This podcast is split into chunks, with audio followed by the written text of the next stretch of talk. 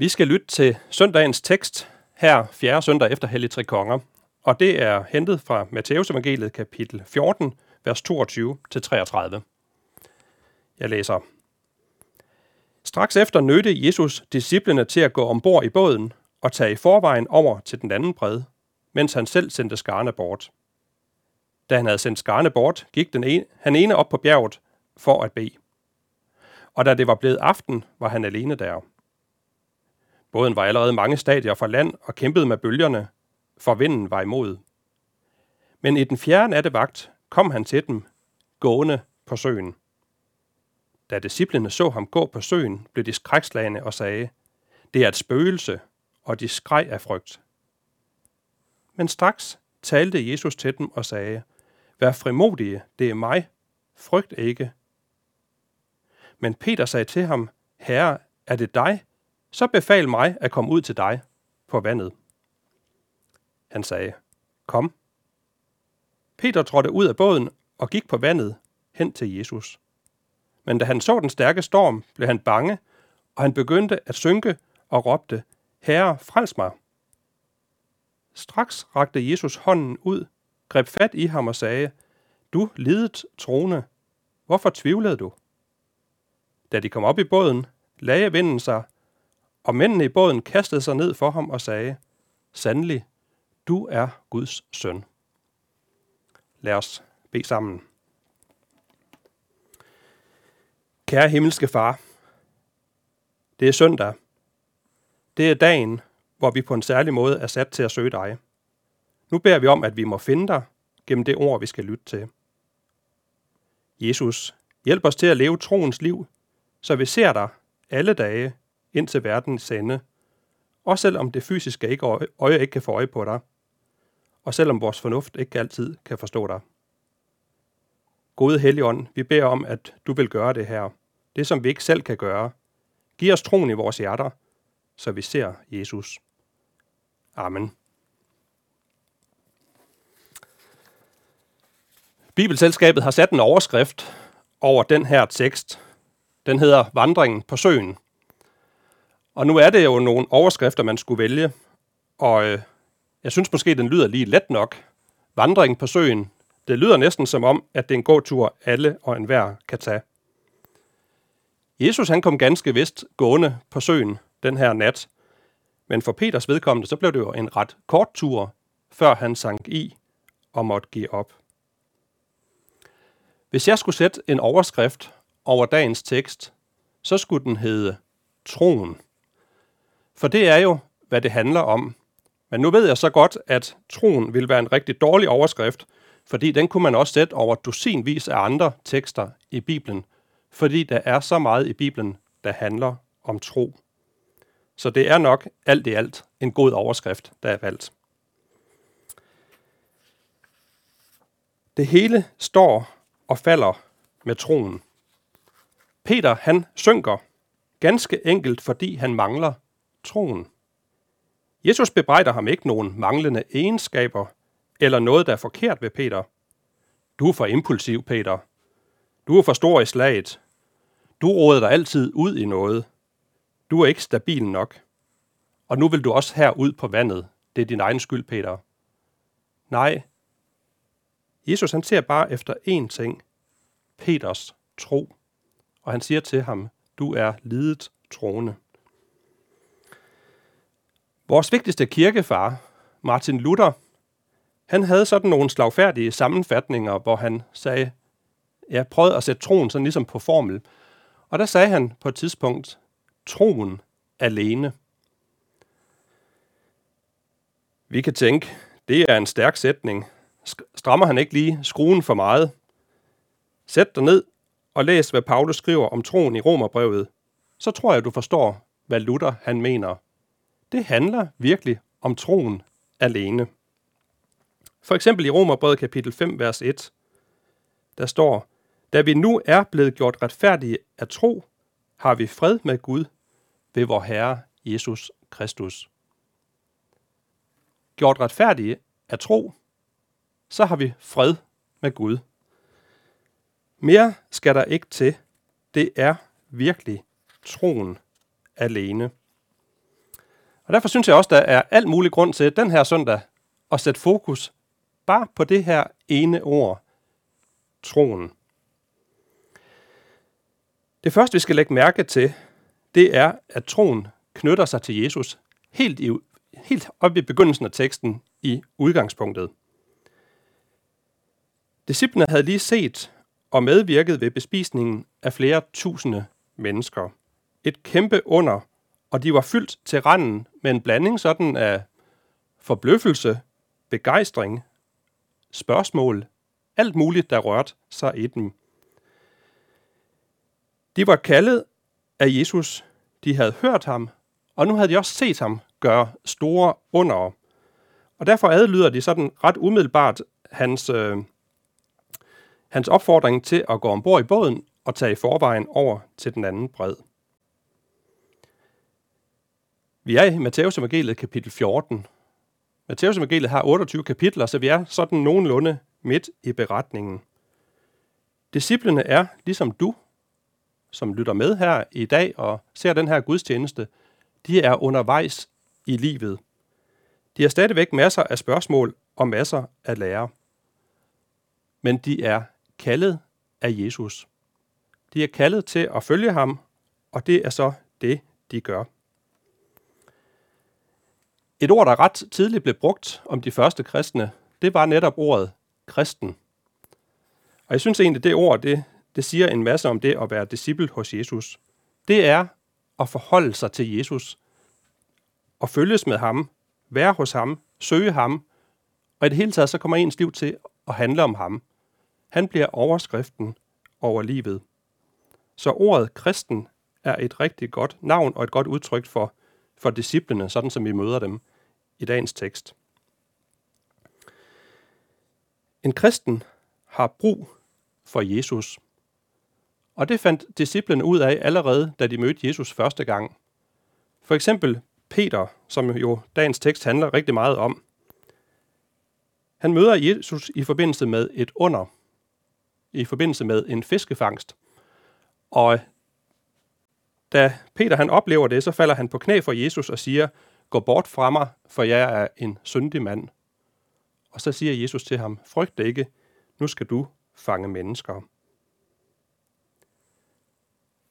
Jesu disciple var hos Jesus, fordi de havde taget imod kaldet og slået følge med ham.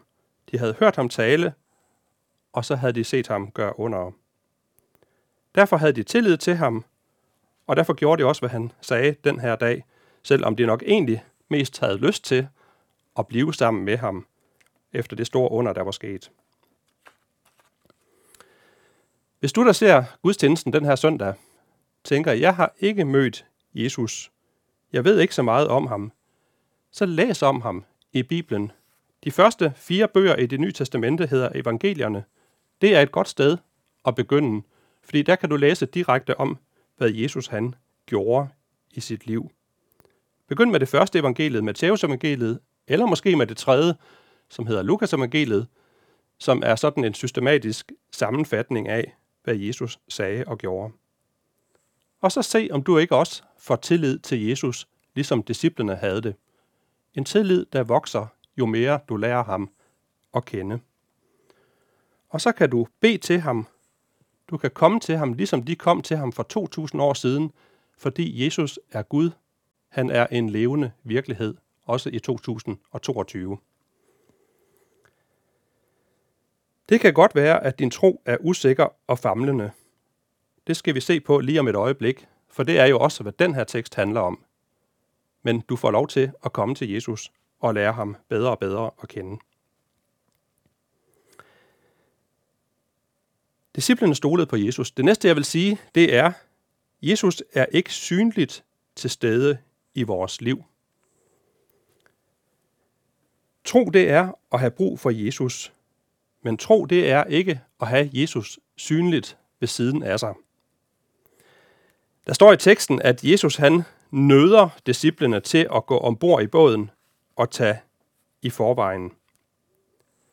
Bespisningsunderet er slut. Der er ryddet op og samlet rester ind. Der var ikke madspild den dag der på bjerget.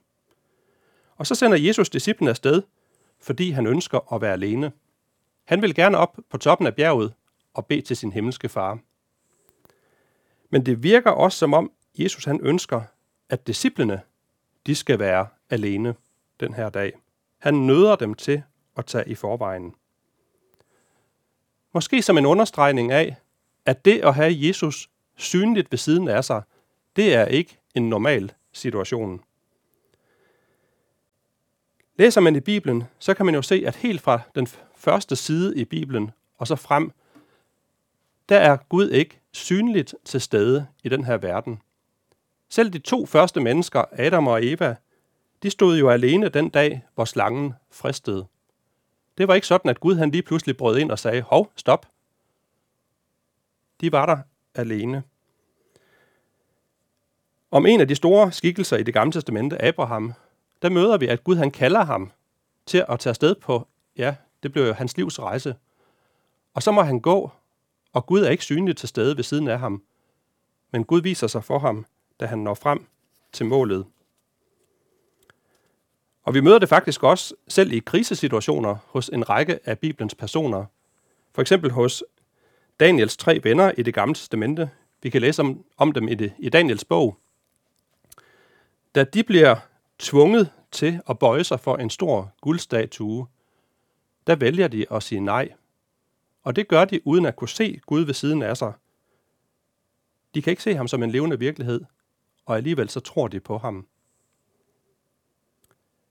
Disciplene er altså ikke de første, der skal leve med Gud som en usynlig virkelighed, eller opleve, at Jesus bliver tilbage, mens de skal ud på en tur, en rejse alene. Det er troens vilkår. Jeg synes, at apostlen Paulus han sammenfatter det, fatter det så fint i 2. Korintherbrev kapitel 5, vers 6 og 7. Han siger sådan her, så er vi da altid ved godt mod, og vi er det selv, om vi ved, at vi ikke kan være hjemme hos Herren, så længe vi har hjemme i lægemet. For vi lever i tro, ikke i det, der kan ses. Se, det konstaterer Paulus bare. Vi lever i tro, vi lever ikke i det, der kan ses, og det er vores vilkår, indtil vi engang skal være hos Herren. Sådan ønsker Jesus også at forberede sine disciple på at være alene og leve i troen. I kapitel 10 i Matteus evangeliet møder vi, hvordan han sender sine disciple ud på en tur, hvor de skal forkynde evangeliet, og de skal gøre det på egen hånd, uden at have ham ved siden af. Og Jesus ved godt, at det bliver vanskeligt. Han siger faktisk, jeg sender jer som får blandt ulve. Så det er ikke fordi, at det bliver en, øh, en nem tur. Sådan ved Jesus godt, at troens liv er svært. Men sådan er det i den her verden, indtil Jesus igen bliver en synlig virkelighed. Og så det, der er det store ved den her søndag. Selv om du og jeg lever i troens virkelighed, så har Jesus ikke forladt os. Det var Jesus selv, der nødte disciplene til at tage turen i båden uden ham. De mennesker, jeg nævnte fra det gamle testamente, Adam og Eva, Abraham, Daniels tre venner, de oplevede alle sammen, at Gud ikke havde forladt dem. Han fuldtes med dem, og han holdt, hvad han lovede. Gud var en levende virkelighed, og han var usynligt til stede i deres liv. Da Jesus efter sin opstandelse tager til himlen og øh, tager hjem til sin far igen, der må disciplene for al fremtid leve i troens virkelighed. Og der siger Jesus noget meget vigtigt til dem. Han siger som de aller sidste ord i Matteus evangeliet. Se, jeg er med jer alle dage ind til verdens ende. Se, så er det ikke så dårligt at leve i troens virkelighed, når jeg bare får lov til at vide det, at Jesus han er med mig, også selvom han er usynlig.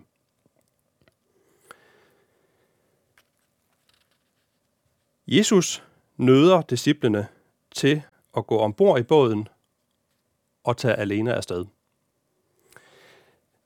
Det tredje, jeg vil sige, er, at vidshed kan ikke fastholdes. Disciplene må alene afsted i båden. Sådan er troens liv.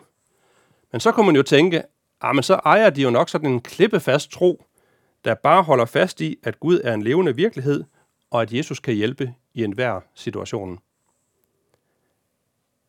Nej, det gør de ikke. Så langt er vi på afstand, at det kan vi mennesker ikke. Heller ikke selv, om vi er begyndt at tro på Jesus og har lært ham at kende, så kan vi ikke fastholde det her som en klippefast virkelighed. Vi er født med ryggen til Gud, og det ligger faktisk ikke naturligt for os at tro på Gud eller at have tillid til ham. Disciplene de er fyldt op efter en lang dag med bespisningsunderet og alt det arbejde, der har været, og det, det har fyldt i deres hoveder og deres sind. Og nu er de udmattede af at kæmpe med bølgerne og modvinden.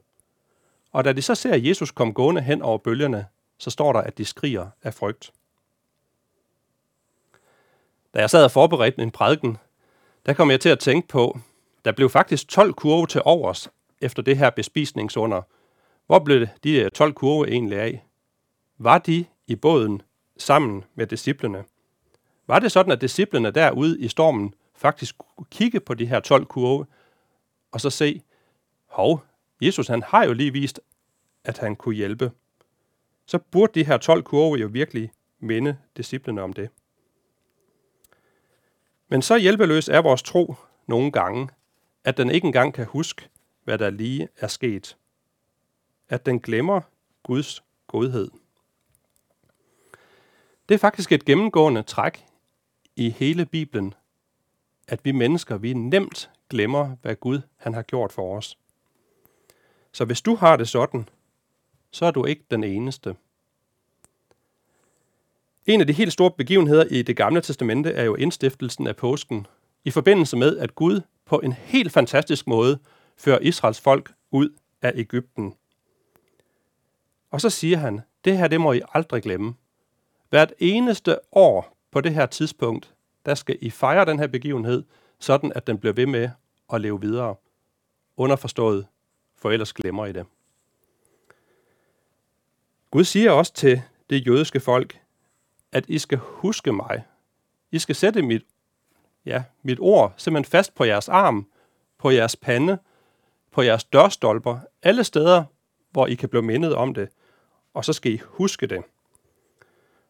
Og man kan jo sige, at nu er det søndag i dag. Søndagen er faktisk også givet for, at vi kan huske Gud. Og hver gang vi fejrer nadver, så bliver der sagt til os, gør dette, så ofte som I drikker den, til ihukommelse af mig. Netop for, at du skal huske og blive mindet om Jesus som en virkelighed i dit liv. Nu nævnte jeg før, at der var fire evangelier som det første i Nye Testamente. Faktisk resten af det Nye Testamente, det er breve, der er skrevet til kristne menigheder i den allerførste tid. Og det, der kendetegner mange af de breve, det er, at de er skrevet til kristne, som faktisk havde rigtig svært ved at tro. Så jo, vi har svært ved at fastholde troen og troens vidshed. Sådan er det, og det må vi bede om hjælp til. Og så som det fjerde punkt. Det, som er afgørende i den her tekst, det er, at den her svage tro, den knytter sig til Jesus midt i livet og sidst i livet. Troen, det er ganske vist en mangelsituation. Det er at have brug for Jesus, og det kan lyde som den rene ynk. Men sagen er jo, at troen, den er herlig. Disciplerne, de kæmper deres kamp derude i båden. Det er modvind, de har ikke Jesus med, og vi får endda et øh, tidspunkt sat på, altså hvor lang tid varer det her. Der står det, at den fjerde nattevagt, da Jesus han kommer. På det tidspunkt, der havde man ligesom delt natten op i forskellige perioder af tre timer. Den første nattevagt, det var fra 18 til 21, så kom midnatsperioden fra 21 til 24. Der var en periode, der hed Hanegal, fra midnat og så til klokken 3. Og så var der den fjerde nattevagt, altså der, hvor solen næsten begynder at stå op igen, fra klokken 3 til klokken 6. Så det har virkelig trukket ud for Jesus med at komme. Men han kommer, han har ikke glemt dem, og han har ikke ladt dem i stikken. Troens liv, det er at leve med Guds tidsregning. Og den kan vi godt synes, at den er helt forkert. Men husk, at Gud går med hele tiden, også når du ikke kan se ham.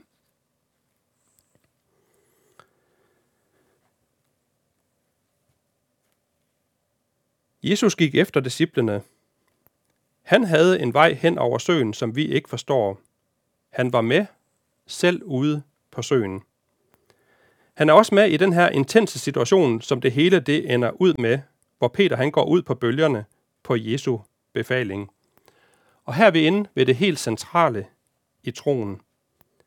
Peters tro, den bliver svag. Han ser den stærke storm og begynder at synke. Skulle Jesus så ikke bare lade ham gå til bunds og så sige, ja, troen den var der jo åbenbart ikke. Ja, hvad kan jeg så bruge sådan en disciple til? Nej, netop i den situation, hvor Peters tro den er svagest, der får den ham til at råbe, Herre, frels mig. Det er nok. Ja, det er faktisk troens allerdybeste udtryk, at den råber til Gud og griber den hånd, der er ragt ud. For det står der simpelthen i teksten, og jeg synes, det er et fantastisk udtryk, at der var en hånd strakt ud til Peter, som han kunne gribe i. Bibelen taler fra først til sidst om Guds frelse. Og det er ikke bare hjælp i dagligdagen eller i livets svære situationer. Vi kan tit få det til at lyde som om, at Gud han er der for mit livs skyld, for at jeg skal have et liv, der sådan nogenlunde går op, og som ikke er alt for svært. Men når Bibelen taler om frelse, så handler det også om det evige liv hos Gud, eller den evige fortabelse, som vi kan ende i borte fra Gud. Hvad kan frelse os fra fortabelsen? Det kan troen på Jesus. Det er det glædelige budskab, at der var en hånd ragt ud efter Peter. Der er også en hånd, der rækker ud efter dig. En hånd, der rækker ud, når du ikke har fortjent det evige liv hos Gud.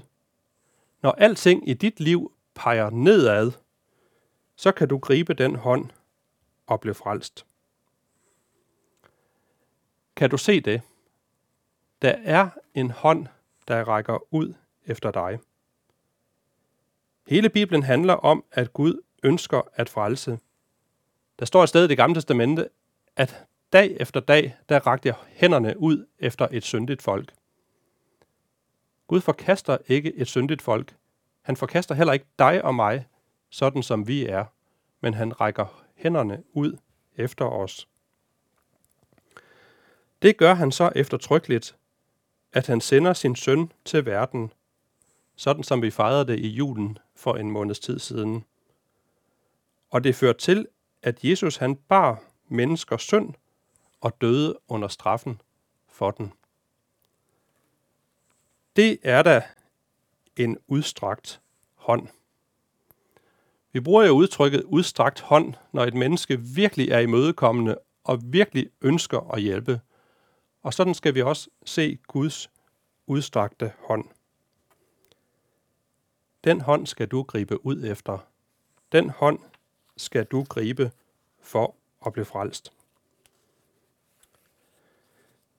Hvad er så troen? Jo, det hele endte jo med, at Peter han greb hånden, der var strakt ud. Og så er der ikke mere at sige. Jesus frelste Peter, fordi Peter greb hånden. Det skal du også gøre. Gribe ud efter Jesus. Og det kan du gøre, selvom dit liv er noget rod, og du bogstaveligt talt er på vej nedad. Kald på Jesus på trods af alt det forkerte i dit liv. Stå ved, hvad slags menneske du er, og fortæl Gud, hvad der rører sig i dig. Bliver du fristet, så fortæl Gud, hvad det er, der frister dig, og hvad det gør ved dig. Er du kold og lunken, så sig det til ham. Har du syndet, så pynt ikke på det, men læg det frem for Gud. Kom som du er, og sæt bare ord på. Ikke fordi Gud har brug for at vide, hvordan du er. Det ved han godt. Men fordi, at du siger tingene, som det er, det er dit nødråb. Det er din måde at sige til Gud, Herre, frels mig. Jeg ejer ikke det, der skal til. Gud, jeg går til bunds i mit eget liv. Jeg kan ikke frelse mig selv, fordi jeg er, som jeg er. Og så får du lov til, når du siger det, at se den udstrakte hånd, der rækker ned mod dig, og som kan frelse dig. Den hånd vil jeg gribe, og det synes jeg også, du skal gøre den her søndag. Grib ud efter den hånd, der er strakt ud efter dig. Amen.